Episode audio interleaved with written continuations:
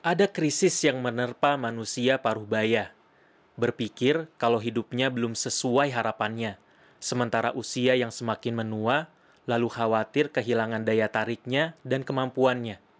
Sejatinya paruh baya adalah fase yang dikhususkan Allah dalam kitabnya, fase yang menjadi titik awal para nabi mengemban risalahnya, fase di mana setiap manusia mencapai kedewasaannya, dewasa untuk memahami arti hidup sebagai hamba, dewasa untuk memahami kalau semua ada akhirnya.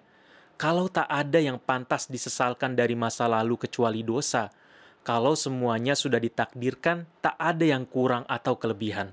Maka Allah berfirman, apabila dia telah dewasa dan usianya sampai 40 tahun, ia berdoa, Ya Tuhanku, tunjukilah aku untuk mensyukuri nikmatmu yang telah engkau berikan kepadaku dan kepada orang tuaku, dan supaya aku dapat berbuat amal soleh yang engkau ridhoi.